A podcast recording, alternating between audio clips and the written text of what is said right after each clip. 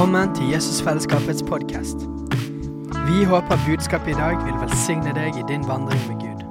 Og om du vil ha mer informasjon om menigheten, kan du gå inn på jesusfellesskapet.no.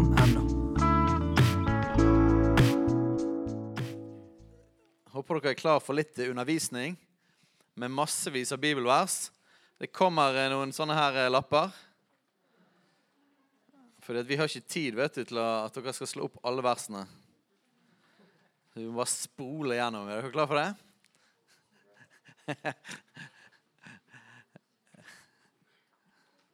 Det er sånn at Når man spør sånn, er dere klar for det, så er det jo et obligatorisk svar. Det er ja.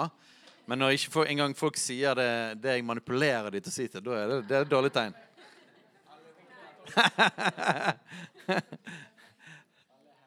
Men dette her er utrolig god undervisning.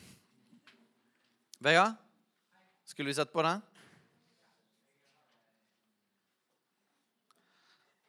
Vi har begynt med sånn web, webstreaming. Er han på? Oi, oi. yes. Så eh, før sommeren så var vi jo inne i um, Hadde iallfall tre søndager der vi snakket om det som har med lovsang og tilbedelse å gjøre. Og eh, jeg ville ta opp tråden på det, for vi fortsatt er noen som eh, har hørt at eh, har hatt fokus dette året. Jeg sier dette om igjen, om igjen, om igjen. 2019, hovedfokuset er å skape en landingsplass for Den hellige ånd gjennom lovsang, bønn og faste. Skape en landingsplass for Den hellige ånd gjennom lovsang, bønn og faste. Det er hovedoppdraget som, eh, som jeg opplever at Gud ga oss for i år. Så dette er en bit, eh, en bit, av dette da, som jeg har gledet meg veldig til å snakke om. Eh, og eh, ja, vi får se hvor langt jeg kommer på det. La meg først eh, hente oss litt inn igjen, siden det er noen ganger siden sist. Eh, dra litt tråden fra før sommeren når vi snakket om dette. Har dere alle hatt sånn? OK? Så jeg tror det er at det er Guds hjerte at vi skal eh, være tilbedere. Og at eh, sant, universets sentrum, det er jo han og hans kjærlighet til oss. Og det som skjer når vi erfarer hans kjærlighet, det er at vi blir kjærlighet. Vi blir sånn som han. Så når Guds kjærlighet treffer oss, så skjer det noe i oss som heter at vi elsker fordi han elsket oss først. Sant? Eh, så det betyr at det aller, aller viktigste er at vi får ta imot hans kjærlighet for å bli møtt av han, og det er jo evangeliet. ikke det? Og det er ikke noe som stopper når vi blir frelst. Det er, det er på en måte nerven av sånn vi lever hele livet. At vi blir truffet av hans kjærlighet, stadig fylt av han. Og det som skjer da, er at vi blir fylt. Vi, vi blir tilfredsstilt. Vi får være der som vi er skapt til å være. Men så skjer det noe mer enn det, for hans kjærlighet er større enn vi klarer å beholde. Den er større enn enn vi klarer å bare favne inni oss. Det blir en overflod av hans kjærlighet.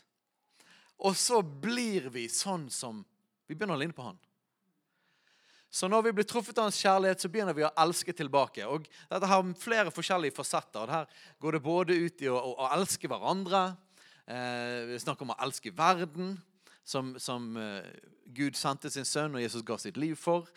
Men, men den aller første tingen som skjer, før alle de andre, før liksom vi elsker hverandre, før verden, det er det at vi elsker han tilbake. Og det er kjernen av tilbedelse. ikke det? Vi elsker fordi han elsket oss først. Og så har vi vært inn i forskjellige sider av dette. Men, men så, er også, eh, så er det sånn at Bibelens definisjon av kjærlighet Jeg gikk gjennom en del vers om dette, og det står veldig spesifikt at Bibelens definisjon av kjærlighet er jo ikke primært eh, rettet mot meg sjøl. Eh, og vi i vår kultur er det noe som jeg pleier å kalle evangeliet etter Hollywood. Det evangeliet som vi blir forsynt i vår kultur og gjennom, gjennom media gjennom underholdning, er jo at kjærlighet primært handler om at jeg skal få noe. Så det er på en måte meg-rettet. Men Bibelen beskriver kjærlighet som det totalt motsatte. Og ikke vær redd. Vi skal få. Vi trenger kjærlighet. Vi trenger å erfare kjærlighet. Og Gud har mer enn nok for oss. Men kjærligheten i Bibelen blir beskrevet som et offer. Noe man gir. Jesus han, eh, døde for våre synder. Det var sånn vi fikk se Guds kjærlighet. Jeg kan ikke gå gjennom alle de versene nå, for vi har så utrolig mange andre. Men kjærlighet i Bibelen blir definert som offer. Så når vi skal snakke om at vi elsker fordi han elsket oss før, som er et, så et sentralt ord i tilbedelse, er offer. Halleluja! Offer, er ikke det fint navn? Fint ord? Det er mange som ikke liker det ordet, men det er egentlig et fantastisk ting. Så, så la meg ta et par av disse versene, i alle fall, bare for, å ta den tråden. Hebreerne 13, 15-16 første verset. La oss derfor med, ved ham alltid bære fram lovprisningsoffer til Gud. Hva er lovprisningsoffer til Gud? Her står det beskrevet etterpå.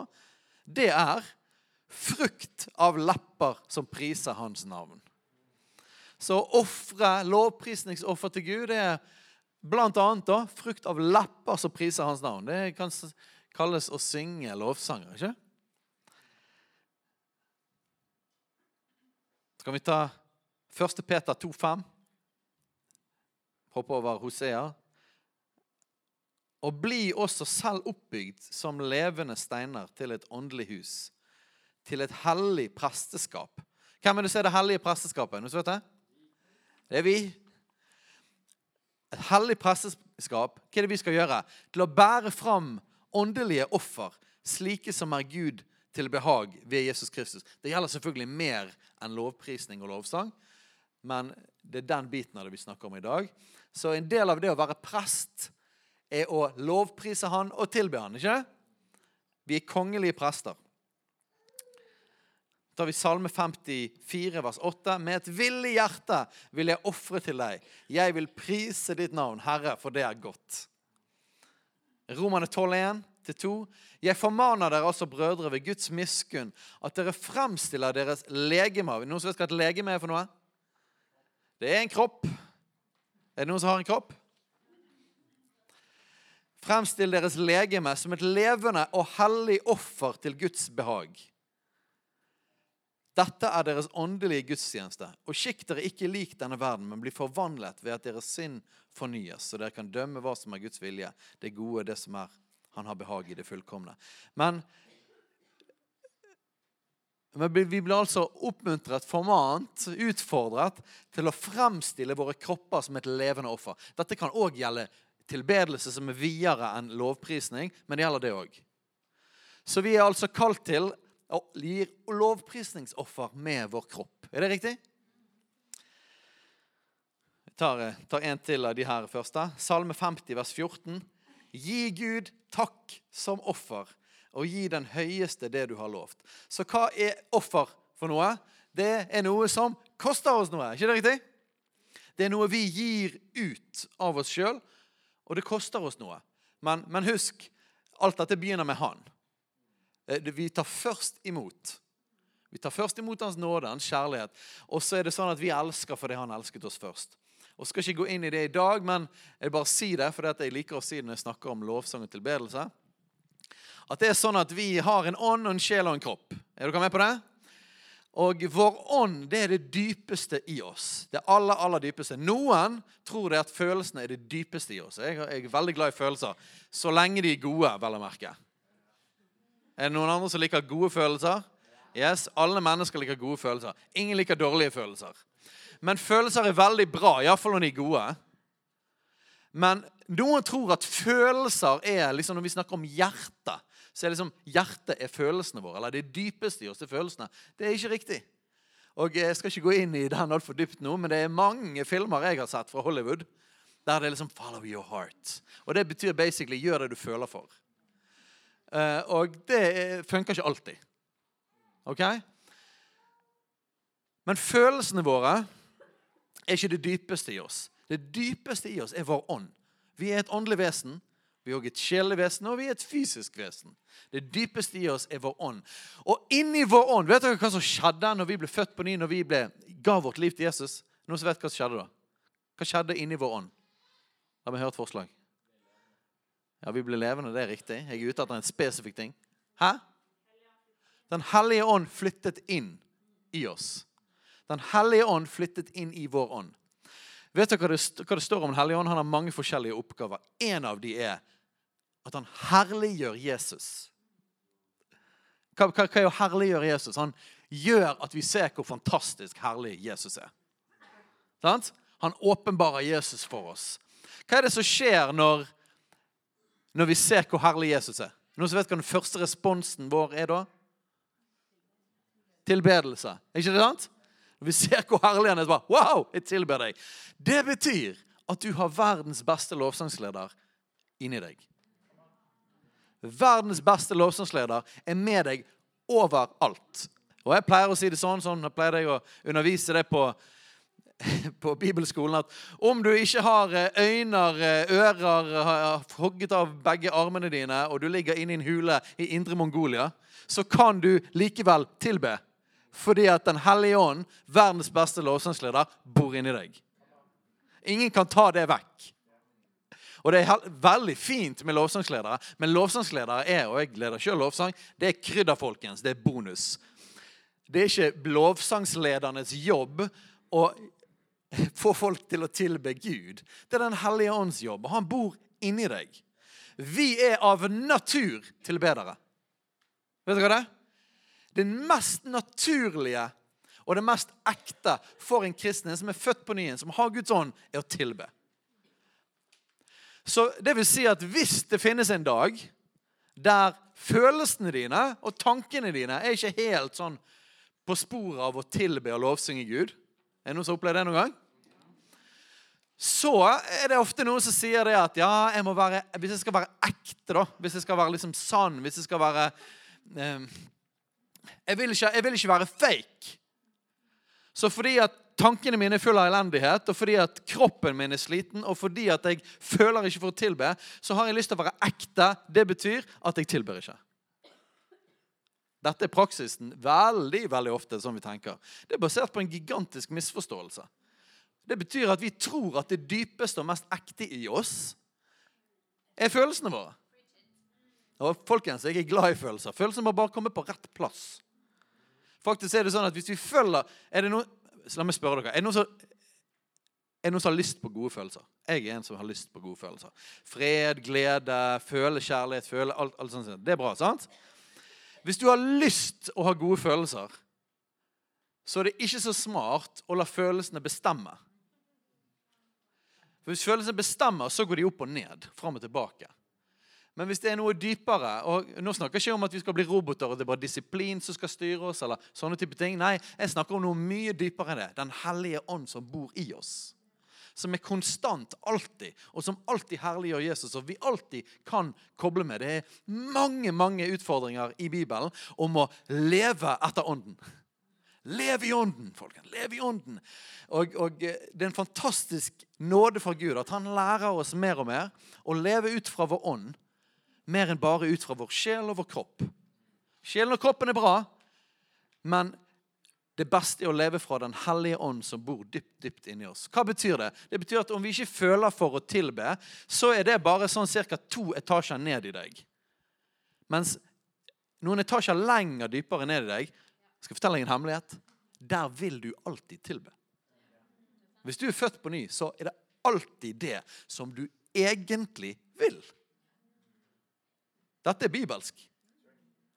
Så, så, så, det handler egentlig om å koble lære å koble mer med Han som bor dypere inni oss. Og han herliggjør alltid Jesus. Vi er tilbedere av natur. Dette med å lære å lovprise Han er ikke en unaturlig ting for oss. Det er ikke en fremmed ting vi må lære. Det er ikke et fremmed språk. Det er det mest ekte og det dypeste som er i oss som mennesker. Og Sånn har det vært hele tiden. Det er bare at Noen ganger så kommer det en del ting på toppen av det, og de trenger vi å koste vekk ved Guds ånd. Og Det er det, derfor jeg har denne undervisningen, for å bevisstgjøre oss om disse tingene. Halleluja. Ok, det var introen. Her står det et verset. 1. Johannes 4,19 som jeg har sagt noen ganger. Vi elsker fordi Han elsket oss først. Fantastisk. Ok. Jeg har et begrep som jeg liker. Eh, og jeg beskriver i alle fall min drøm, og jeg kan si det på Jeg regner med det manges drøm her, og jeg kan, jeg er sikker på at hele lederteamet kan si at ja, dette er vår drøm for Jesusfellesskapet. Og det er hengivenhet. Hengiven tilbedelse. Så hvorfor liker jeg dette ordet så godt? Nei, Det er jo fordi at det, det gir en liten sånn ekstra schwung på liksom bare det at ja, vi lovsang, vi tilber. Ja, men det er et eller annet med at jeg har en lengsel at vi skal være hengivne tilbedere. Ok, La oss se på et bibelvers som basically snakker om det, ikke om det ikke står akkurat det ordet. Lukas 10, 27, og det står her bak òg. Og Dette står på litt forskjellige måter i, i, i, forskjellige evangeliene, men jeg tror vi tar poenget her. Lukas 10, 27. Her sier Jesus da Han svarte og sa, du skal elske Herren din Gud av hele ditt hjerte, av hele din sjel, av all din kraft, av all din forstand og de neste som deg selv. Ok, Nå må jeg bare si at Poenget i dag er at vi skal snakke om kroppsspråk i tilbedelse og bønn. Eh, vi har ikke tid til å gå gjennom alle den dype teologien bak absolutt alle poengene her. Men dette er jo Jeg har lyst til å forstå at nøkkelen her hele tiden er at vi elsker for den elsket oss først. Og at fordi Guds ånd bor i oss, er dette naturlig for oss. Så dette er ikke sånn ytre krav. Så jeg kan si det verset, så kan jeg si det for dette her står skrevet i loven. Sant? i gamle testamentet. Jeg si det at Dette er Guds krav til oss. Gjør det. Og da er vi utenfor den nye pakt plutselig. For da er det et ytre krav som tvinger oss til å gjøre et eller annet. Men hva var det som skjedde når vi ble født på ny? Den hellige ånd flyttet inn i oss. Og både Esekiel og Jeremia beskriver det på denne måten at loven ble skrevet i våre hjerter. Så når vi leser det, må vi se det ut fra et nytestamentlig perspektiv. At ja, fra loven så er det et ytre krav. Vi må tilbe.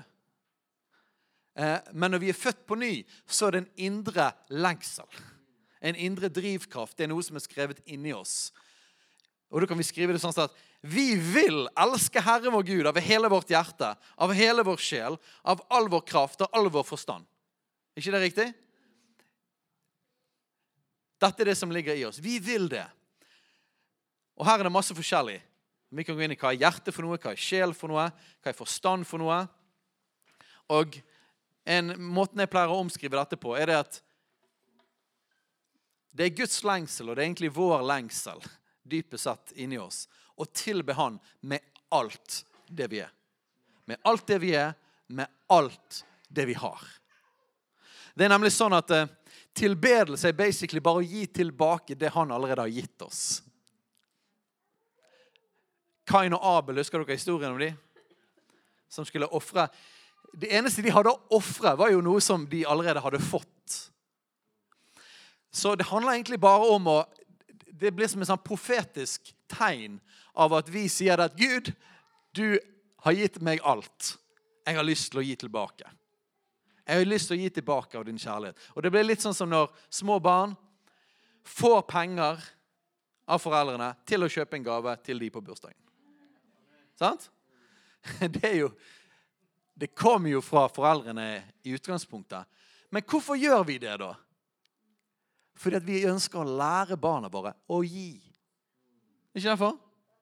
Fordi at og Hvorfor det? Jeg vet ikke om alle vi mennesker har tenkt over det, men jeg er ganske sikker på at Gud har tenkt over det. Hvorfor vil han lære oss å tilbe? Fordi at det er vår design. Det er bra for oss.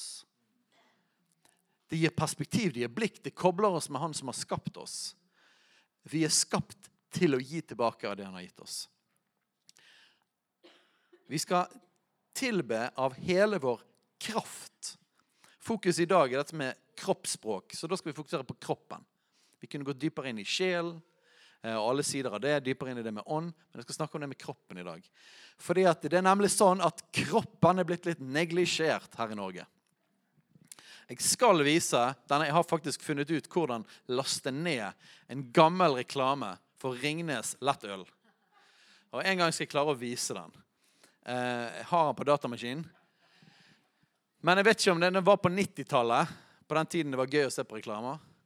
Og eh, er det noen som husker den? Bare for å se hvem, hvem er mitt eh, hvem er det Ok, to-tre stykker her i dag. Ok, Jeg kan beskrive den. Den er det, det, er jo det er ikke lov til å reklamere for alkohol i Norge. Så egentlig er det under alkoholreklame, bare at de sier det ikke. Eh, det er liksom hele poenget egentlig alkohol i den, i den reklamen. Men det er Ringnes lettøl. Og da er det en afrikaner som kommer til Norge. Og så ser han så Oi, oi, oi! Jeg vet hva? Eh, Hvis det er lyd på han òg, så må vi nesten se han. Ja, ja, ja. OK. Ja, vi skal beskrive han likevel. Ok, Det er en afrikaner som kommer til Norge. Eh, og eh, han oppdager det at vi nordmenn er litt stive. Er det noen som vet det? At vi kan være litt stive. Han ser en fest, og så er alle litt sånn robotiske og stive. Og så driver han og forsker på det norske DNA-et. Så ser han at det norske DNA-et, det har vært så, Vi er så kalde at vi har fått sånn firkantet DNA. Eh, og så er vi blitt stive. Og han kaller det the Norwegian stiffness syndrome. Eh, og så oppdaget han da eh, at når det Så kom det en dråpe med ja, Er det, er det lyd òg? Kommer det en dråpe med OK. Ah, ok, Da slutter jeg å forklare. Så kan dere se han i stedet. boy, I wondered about Norwegian stiffness. I decided to study it. Many years later, I realized the forefathers were freezing so much, it created a failure in the DNA. Now look at this. I had discovered the Norwegian inherited stiffness syndrome. It was time to celebrate. But accidentally, I dropped fell. And there it was. To cure unwanted stiffness, just replace ordinary Latal with rimless Latal. Going back to my roots.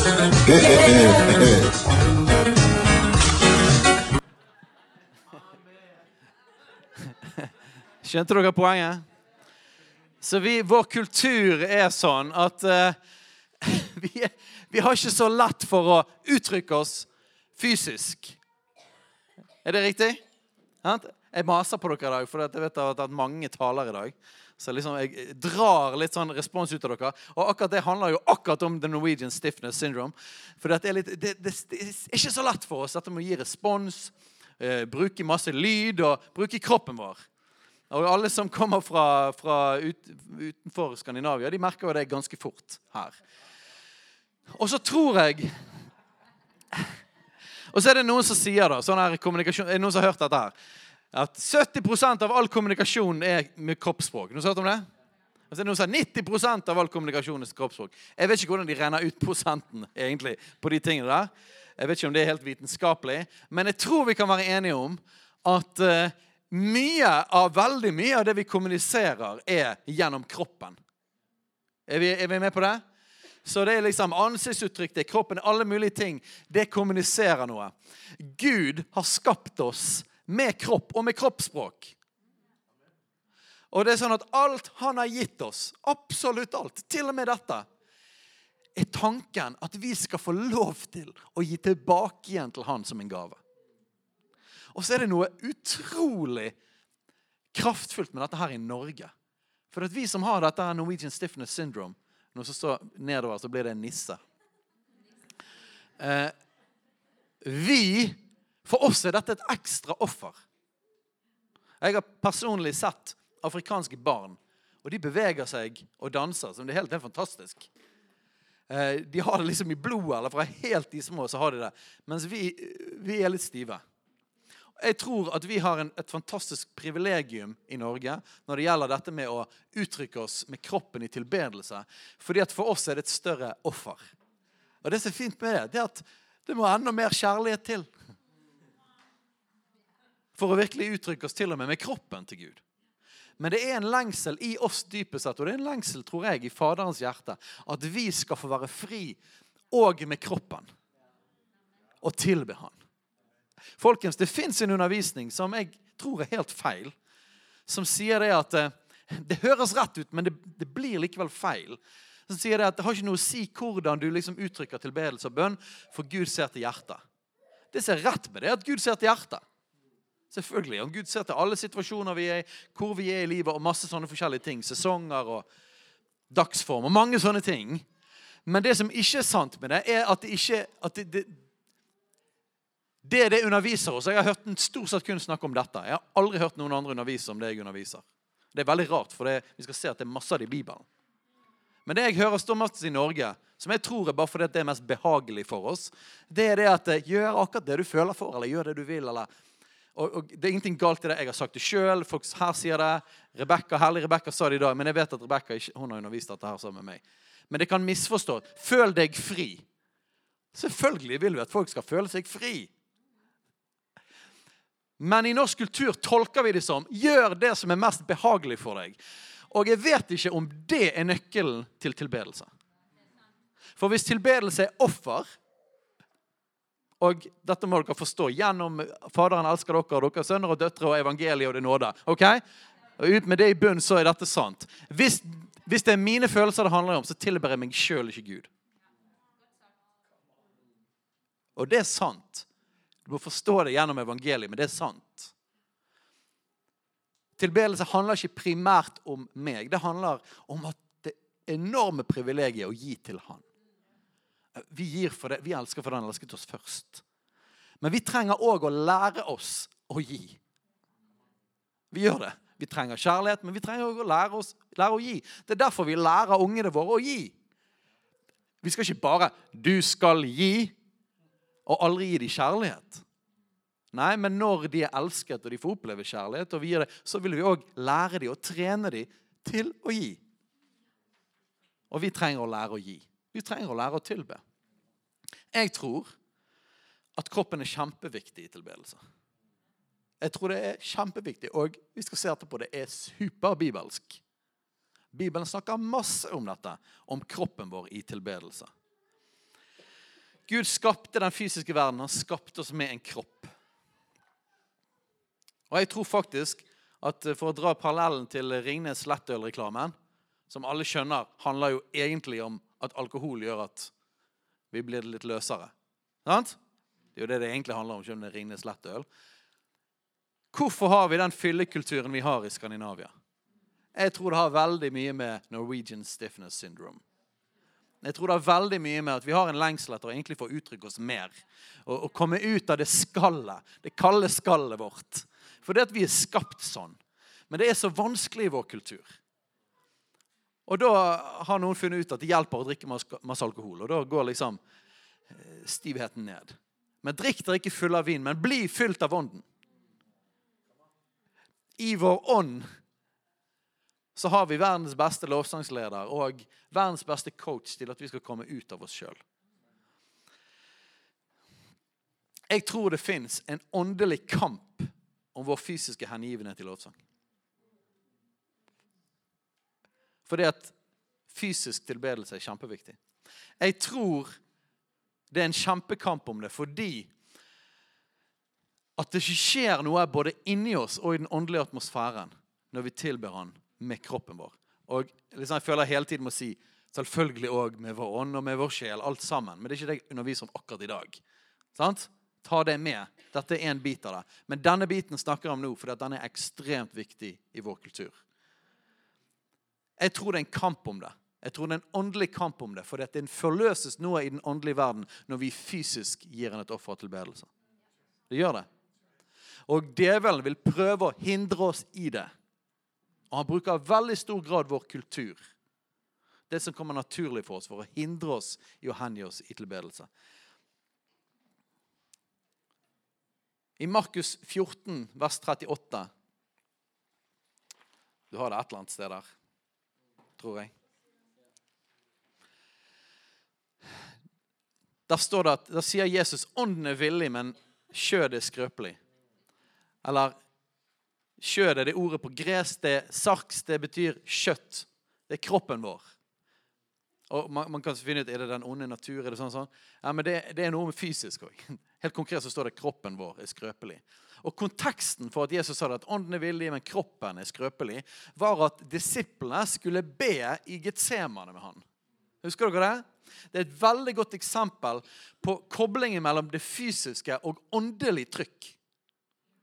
For det som skjer, er at det var et rimelig viktig moment i Jesus' sin historie. Heldigvis gikk det bra. Jesus tok rett valg, selv om disiplene ikke var med å be.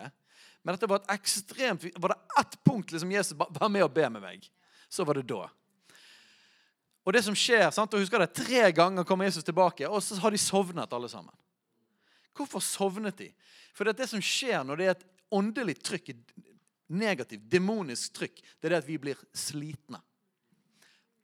Jeg kan kjenne det både på meg sjøl, jeg kan kjenne det i et rom. Helt fysisk. I forhold til hva som skjer i den åndelige verden. Helt fysisk. Hvis det er kamp, og det er kamp om din tilbedelse Hvis det er en åndelig kamp og det er negativt, da merker jeg det at man kan bli til og med sliten i skuldrene når man prøver å løfte hendene sine. Så fysisk er det. Når Den hellige beveger seg sterkt, så kjenner du deg ikke sliten. Faktisk kan du hoppe og synge og danse over lang tid. Såpass at du dagen etter våkner opp og tenker i all verden har jeg gjort i går? For jeg har gangsperre i hele kroppen. Det betyr at mye fysisk man ha pushet seg så langt at langt over sin egen kondis, sannsynligvis. Og musklenes normale Skjønner du hva? Fordi at Når Guds ånd er der, det er kraft og det er liv i Hans ånd, så gjør det at til og med kroppen blir påvirket av det. Er det noen som har opplevd dette? Men når det er et åndelig demonisk trykk, så er det vanskelig å synge. Det kan være vanskelig å få til og med ord ut. Vi, det, det, er vanskelig å stå. Det er ingenting galt i å sitte og tilbe. Jeg tilber mest sittende. Men i en kollektiv setting så er det som oftest best å stå. Jeg, det kan finnes andre tilfeller. ok? Men, men, i hovedsak så har det noe med å bruke kroppen sin og være aktiv med. Og, og det, det, det, kan være trykk på det. Det kan være trykk å være bare inne i et rom der det er tilbedelse. Du har lyst til å gå på do. Dette snakket vi mye om på bibelskolen. Det er helt utrolig hvor mye man må på do når det virkelig liksom er kamp om, om tilbedelse. Det er en helt reell fysisk manifestasjon av et åndelig trykk. Og Det er den negative biten av det. Den positive biten av det er det at det skjer fantastisk kraftfulle ting i ånden når vi hengir oss til Han i tilbedelse. Selvfølgelig med hele oss, men òg fysisk hengir oss i tilbedelse. Det skjer noe i åndeverden. Og sant? Ingenting i Guds rike funker sånn at hvis du bare lager en teknikk og bare gjør det. Så, sant? Ingenting funker sånn. Det finnes masse fysiske ting eh, i Bibelen. Håndspåleggelse. Hørt om det? Nattverd. Fysisk spising og drikking av noe. Eh, dåp fysisk blir dukket under vann og blir tatt opp igjen. Det fins mange andre fysiske ting. Ingen av de tingene funker som et slags magisk ritual. Det, det funker i, i, kobling med Guds ord, i kobling med Guds ånd. I kobling med tro. Så Jeg snakker ikke om dette her med kroppen som er at nå skal vi alle sammen bare mekanisk bare gjøre masse rette bevegelser, og så vil det skje noe. Og nei, vi, snakker om å tilbe med hele oss men i rett kontekst så har din tilbedelse med din kropp masse å si. Oi, oi, oi. Klokken er mye allerede. OK. Ok, Jeg leser kjapt gjennom noen kroppsspråkvers. Og dette av alle tingene jeg har undervist i mitt liv Jeg tror, jeg tror knapt det er noe område som det er så lett å finne bibelvers på som dette. Det er så sinnssykt mye bibelvers om tilbedelse med kroppen at du kan bare liksom ikke ta noe særlig mange av de i det hele tatt. Så dette er et lite utvalg. Første kongebok 8.22. Da trådte Salomo fram foran Herrens alter midt for hele Israels menighet og brette hendene ut mot himmelen. Nå skal jeg bare vise dere noen eksempler på kroppsspråk i bønn og tilbedelse. Er med på det? Så brette hendene ut det er sånn som dette her. Det er en sånn lavere posisjon ved ut hender. Okay? Så det er et kroppsspråk i bønn. Ok? 1. Timoteus 2,8. Jeg vil altså at mennene på hvert sted skal be slik at de løfter hellige hender. Da er det litt lenger opp her. De løfter hellige hender uten vrede og trette. De skal be slik at de løfter hellige hender. Klagesangen er 341. La oss løfte vårt hjerte. Amen. Det er vanskelig å gjøre fysisk, gjerne. Men jeg tror vi skjønner poenget med det. Og Her ser vi sammenhengen mellom det indre og det ytre. Sant? Mellom det fysiske og sjelen vår eller vår ånd. Løfte vårt hjerte og våre hender til Gud i himmelen. Ok, Det er massevis av løfte hender-vers i Bibelen. så dette var bare et par av de. Så vi løfter våre hender til ham. Vet du hva, folkens? Jeg vet ikke hvorfor. Men veldig ofte så er det sånn at Gud ber oss gjøre ting som er litt rart. Fordi at eh, det sier noe om hjertet vårt hvis vi gjør det. Jeg skal ikke for dypt i det. Men det er òg et eller annet i oss dette med å strekke oss mot Han. Og, eh, og jeg har lagt merke til at når små barn vil bli løftet opp av mamma eller pappa, så løfter de opp hendene. Så det ligger nok et eller annet i det. Det står ingen plasser i Bibelen 'Hvorfor skal vi løfte hendene når vi ber?' Jeg vet ikke, men det står igjen og igjen og igjen. Og igjen. Og så er en som er veldig ubehagelig i Norge. Salme 55, 17. 'Jeg vil rope til Gud'. Det er litt kjipt, for alltid når man, når man leser Bibelen som roping, så blir det som sagt rolig i Norge. Så jeg gjør et poeng ut av å rope det ut. Jeg vil rope til Herren, rope til Gud, og Herren skal frelse meg. Rope betyr rope. I Norge snakker vi om å rope i våre hjerter. Under ekstreme tilfeller så kan man gjøre det. Jeg har opplevd mange ganger Et av de beste stedene jeg har å møte Gud, det er når jeg er på tannlegen. Jeg blir bedøvet. Ingenting jeg kan gjøre. Jeg sitter i stolen der. Fantastisk soaking-tid. Det eneste du skal gjøre, er å holde munnen oppe. Og jeg gidder ikke å se heller, for det, det eneste du ser, er det der lyset. Så jeg tenker jeg, inget, jeg skal ikke bidra med noe som helst her. Jeg skal bare holde munnen min åpen. Så da ligger jeg der. Så endte på fredag så var jeg på tannlegen. Og det er fortsatt like fantastisk. Så jeg ligger der, og så tenker jeg du er god Gud. Så tenker jeg så bare tenker jeg på han. da. Og eh, det er et sånt tilfelle der det er vanskelig å rope til Gud. Og da har jeg praktisert å rope i mitt hjerte. Så det er mulig, da. Men det er ikke standarden for hvordan vi roper. Hallo? Roping skjer som oftest med volum. Istedenfor at vi snur disse tingene opp ned. For vi har en sånn tanke om at ja, det er det åndelige, men det fysiske har ingenting å si. Nei, det fysiske har noe å si. Å, jeg har så lyst til å komme oh, til noen av de versene senere her. For skal vi se hvor mye det har å si faktisk å rope. Ok, ras igjennom. Salme 95, vers 6. Kom, la oss tilbe og bøye kne. Bøye kne. og så knel for Herren. Det står masse om å bøye kne. Romerne 14, 11. For det står skrevet så sant jeg lever, sier Herren. For, vei, for meg skal hvert kne bøye seg, og hvert tunge prise Gud. Vet du hvordan din tunge kan prise Gud? Det kommer lyd ut. Lyd fysisk lyd. Noen ganger når jeg trener folk å tilbe på bibelskolen, så sier jeg sånn at det er veldig enkelt. Først har du luft inn i lungene, og så presser du den luften gjennom stemmebåndet. Det er ikke verre enn det å synge. Vi kan synge. Og her er ikke liksom hvor fint du synger, poenget, men at det faktisk kommer lyd. Syng, folkens. Efesene 4, nei 3, vers 14 og 16. Derfor bøyer jeg da mine knær for Faderen han som er det rette far for han, alt som kalles barn i himmelen og på jorden. Og så bare For å understreke at det er bønn det er snakk om her, så sier han 'jeg ber', og så begynner han å be. Så å bøye kne var basically et synonym for å be. Salme 27, vers 6. Jeg vil ofre jubeloffer. Woo! Jubeloffer. Jeg vil synge. Synge det med lyd. Og lovsynge for Herren. Herre, hør min røst når jeg roper Ja, men Gud, han trenger jo ikke å høre stemmen vår, for han kan jo til og med høre tankene våre. Ja, han kan det, men han har skapt oss med evnen til å lage lyd.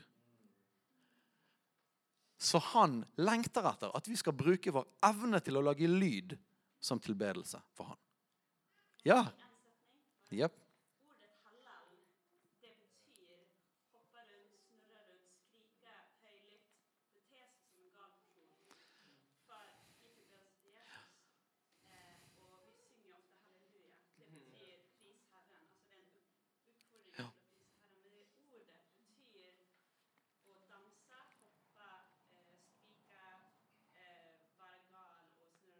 Yes, Det hebraiske ordet for pris Gud, halal, det er flere hebraiske ord som uttrykker masse forskjellige sider av tilbedelse. Og halal betyr ja, heftig hengiven tilbedelse, fysisk. Herre, hør min røst når jeg roper. Han hører oss alltid. Han hører oss til og med før vi ber. Ja, men han har jo lyst til å høre stemmen vår, den fysiske. Ok. To til på dette. Hør mine inderlige bønners røst når jeg roper til deg inderlig bønn med rop. Og Dette er liksom ikke sånn at jeg måtte leite med lupe for å finne disse versene.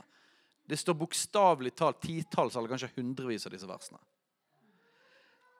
Jeg roper til deg når jeg løfter mine hender mot det aller helligste i ditt tempel. Salme 33, 1-3. Rop med fryd for Herren, dere rettferdige. Lovsang sømmer seg. Noen som har lyst til å være sømmelige? Sømmelighet. Dette er tatt fra Reidar Paulsen, min gamle pastor i Kristiansand. Han sa at det er sømmelig å lovprise Gud. Så hvis vi har lyst til å være sømmelige folk, sømmelige kristne, så må vi tilbe. Lovsang sømmer seg for de oppriktige. Pris Herren til sitar, eventuelt gitar. Lovsyng han til tistrenget harpe. Syng for han en ny sang. Spill fagert med frydesang. Ok. Jeg visste jo at jeg ikke kom til å bli ferdig, men, men jeg, må, jeg, vil ta noen eksempler på kraften i den fysiske tilbedelsen før vi slutter. Og det, Den første er noe som jeg kaller Jeriko ganger to. Er interessant at I Jeriko var det to ganger, interessante ganger der roping hadde en avgjørende effekt. Og der det ikke var nok å rope i sitt hjerte. Josva 6, 4-5. Men den sjuende dagen skal dere gå sju ganger omkring byen, og prestene skal blåse i basunene. Og når de så blåser i larmehornet Larmehorn, bråkehornet, med lange toner Bare hør, får dere bråkehornet med de lange tonene. Og dere hører lyden av basunen, skal hele folket sette i et høyt rop. Og så er det sånn Ja, ja, men hva med stillhet? Jeg tror på stillhet. Jeg praktiserer stillhet. Er det Jeg kunne undervist om stillhet. Jeg tror jeg ber mest stille. Men ikke kom med den stillheten nå. Ja, men De var stille i seks dager. Ja, de var, det er tid for stillhet òg. Bare ikke, ikke kom fram med det nå for å ødelegge det som Guds ord sier nå. For dette er det som er poenget nå. Hvis de ikke hadde ropt, så hadde ikke murene falt. Det er sannheten. Det er en tid for å være stille, en tid for å rope. Hvis de ikke hadde ropt fysisk, hadde ikke murene falt. Det betyr at en gjennomsnittlig norsk menighet hadde fortsatt stått utenfor murene der. For vi har ikke lært å rope. Når det er tid for å rope, må vi rope, og da er det rope fysisk. Her var det en fysisk respons, og veldig ofte i Det gamle testamentet så ser vi det skjer fysisk. Sant? De kriger mot fysiske fiender, de river ned fysiske murer. Men alt i den gamle pakt er også et bilde, et profetisk bilde på det som skjer i den nye pakt. Sånn? Vi har ikke en kamp mot kjøtt og blod, men mot makter og myndigheter osv. Murer i det åndelige faller når vi roper høyt. På rett tidspunkt. Ikke rop hele tiden. Men rop er viktig. Fysisk rop er viktig. La meg ta kjapt den andre historien. Lukas 18, 35. Så ikke 70 neste verset der. Det var Jeriko det skjedde da han kom nær til Jeriko, at en blind mann satt hele veien og tigget. Da han satt ved veien og tigget, da han hørte at mye folk gikk forbi, spurte han hva dette var. De fortalte han da at Jesus fra Nasaret gikk forbi. Og han ropte og sa, 'Jesus, du Davids sønn, miskunn deg over meg!' De som gikk foran, truet han at han skulle tie. Men han ropte enda mye mer en av de andre evangeliene står det enda høyere. Du Davids sønn, miskunn deg over meg! Da stanset Jesus. Ja da, da Guds vilje helbrede alle, og bla, bla, bla, bla, men helt konkret, praktisk her i denne situasjonen, så stoppet han fordi han ropte. Det er veldig ofte sånn i kristne sammenhenger i Norge at hvis vi roper, eller blir for hengiven, eller blir for Neste historien her er om David og Mikael. David som danset av hele sin makt, og Mikael som foraktet han. Det er om dans, eller om det er rop, eller det er høylytt sang, eller det Jeg gleder meg mest til å ta neste gang. Det er den høylytte sangen det står om i Johannes' åpenbaring, som det er i himmelen. Så som i himmelen, så på jorden. Tilbedelsen i himmelen er alltid beskrevet voldsom og kraftfull.